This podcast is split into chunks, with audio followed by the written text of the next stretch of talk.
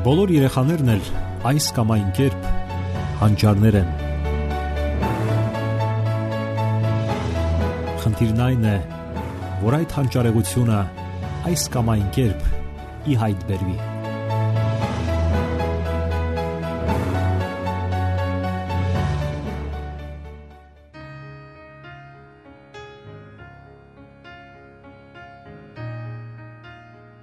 ձեզ սիրելի ռադիո լսողներ։ Եթերում դասյարակություն հաղորդաշարն է։ Որոշ ծնողներ հաճախ անհարկի օգտագործում են վատ երեխա արտահայտությունը։ Ըստ էության, սա սխալ արտահայտություն է, որովհետև վատ երեխաներ գոյություն չունեն։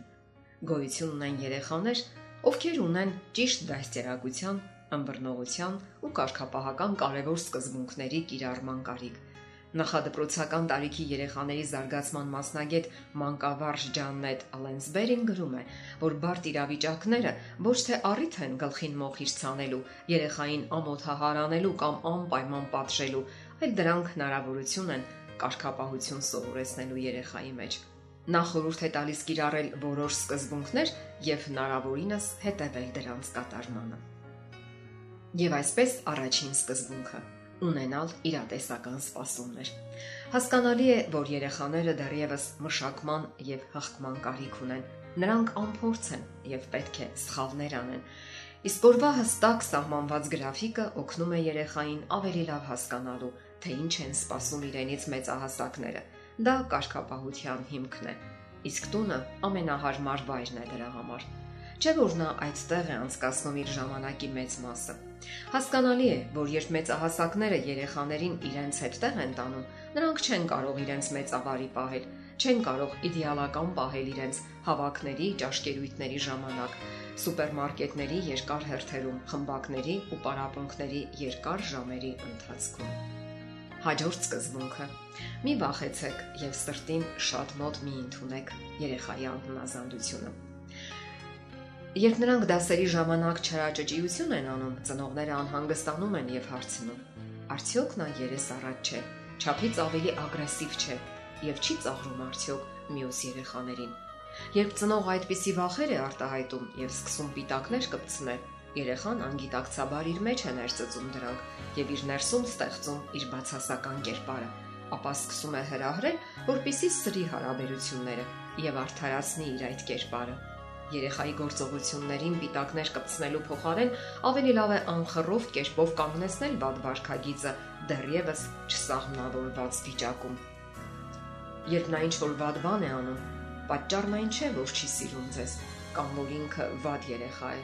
Նա պարզապես ցանկանում է եւ նույնիսկ խնդրում ձեզ իրեն մատչելի իր փոքրիկ պատկերացումներին համահունչ եղանակներով հաստատեք այն սահմանները, որոնք դուք չեք հաստատել եւ որոնք անհրաժեշտ են, որpիսի իրեն ապահով զգա։ Երորդ սկզբունքը. ձեզ պահեք որպես առաջնորդ։ Ժամանակ եւ փորձառություն է պահանջվում, որpիսի յուրացնեք այն տոնը, որը պետք է սահմանները հաստատելու համար վստահ, առանց հարցական եւ անվստահ հնչերանգի, առանց հույզերի, բորբոքվելու եւ բղավելու ցույց տվեք երեխայի սխալները։ Նրա համար շատ կարևոր է զգալ, որ իր վարքագիծը հունից չի հանում ձեզ եւ որ մենք չենք փոխում հաստատված կանոնները պահի ազդեցության տակ։ Նա ինքը վստահություն է զգում, երբ տեսնում է, որ մենք վստահ եւ անխռով վարում ենք կենսական ղեկը եւ մեր ընտանիքի կյանքի ընթացքը ուղղորդելով ճիշտ ուղղությամբ։ Երբ ծնողը երկար խրատաբանություններ է կարդում, հուզական բռնկումներ ունենում, այսպես ասած պայթում, կասկածամիտ է եւ անընդհատ պատժում է, դա ոչ մի լավ բան չի կարող տալ փոքրիկին։ Այն, ինչի կարիքն ունի երեխան, դա հստակությունն է։ Իսկ վերոհիշալ դրսևորումները միայն մեղավորություն եւ ամոթ են հրահրում երեխայի մոտ։ Հարկավոր է անխռով եւ հանդարտ ասել նրան. Ես ոչ մի դեպքում թույլ չեմ տա քեզ որ անես այդ արարքը։ Ահա լավագույն հակազդեցությունը եւ հարկավոր է արձագանքել արագ եւ անմիջապես։ Եթե պահը բաց է թողնված, արդեն ուշ է։ Հարկավոր է սпасել հաջորդ հնարավորությանը։ 4-րդ սկզբունքը՝ ոչ մի անկյուն կանգնիր։ Շատ ծնողներ վերահսկում են երեխայի յուրաքանչյուր քայլը, ապա պատժում այս կամ այն առիթի դեպքում։ Սակայն շատ ավելի արդյունավետ է անկեղծ երկխոսության գնալը։ Երբ երեխան հասարակական վայրում իրեն վատ է պահում, նա հավանաբար հոգնել է եւ կորցրել վերահսկողությունը։ Այդ դեպքում ավելի լավ է արագ գնալ տուն եւ վերջ։ Այդպես վարվել նշանակում է հարգել երեխայի զգացմունքները։ Եթե նա տանն էլ շարունակում է իր հիստերիան, թավալվում գետնին ըլուացում, ապա հետևեք նրան, ինչև հանգստանա։ Դա ոչ թե պատիժ է, այլ սիրող ծնողի արձագանք փոքրիկի օգնության խնդրանքներին։ 6-րդ սկզբունքը։ Երեխաները ամենից լավ սովորում են կարգապահության այն ժամանակ, երբ տեսնում են իրենց արարքների անմիջական հետևանքները։ Եթե երեխան շպրտում է ճաշը, ուրեմն վերջ։ Նա այլևս ճաշ չի ստանա, ինչև հաջորդ ծննդի ընդունումը։ Եթե հրաժարվում է հակնվել, նա չի գնա այգի զբոսնելու Ծնողական նման հակազդեցությունները արդարացիության զգացում են արտնասնում երեխայի մեջ։ Նա դարձյալ կարող է չարանալ, սակայն զգում է, որ իր հետ ձեռնացություն չեն անում եւ ամոթանք չեն տալիս։ 7-րդ սկզբունքը։ Հիշենք, որ երեխային չի կարելի պատժել լաց լինելու համար։ Նախադպրոցական հասակը, որպես կանոն, բուրըն հաճախ հակասական ապրումների արձագանքների հասակն է։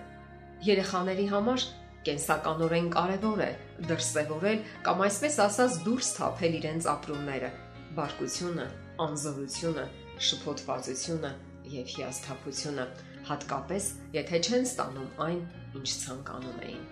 Փոքրիկները պետք է վստահ լինեն, որ կարող են ազատ դրսևորել իրենց զգացմունքները եւ ծնողները չեն դատապարտի իրենց դրա համար։ Եվ ամենավերջին 8-րդ սկզբունքը որը նաև ամենակարևորն է առանց պայմանի սերը։ Զրկել երեխային ծնողական սիրուց որպես պատիժ նշանակում է սովորեցնել նրան, որ մեր սերը կարող է փոխվել եւ գոլոշիանալ 180 աստիճանով ամեն պահի իր ժամանակավոր վատարարքի պատճառով։ Ինչպես կարող է փոքրիկը իրեն ապահով եւ վստահ զգալ այդպիսի իրավիճակում։ Այն երեխան, ով մեծանում է սեր առանձնահատուկ պայմաններում մթնոլորտում,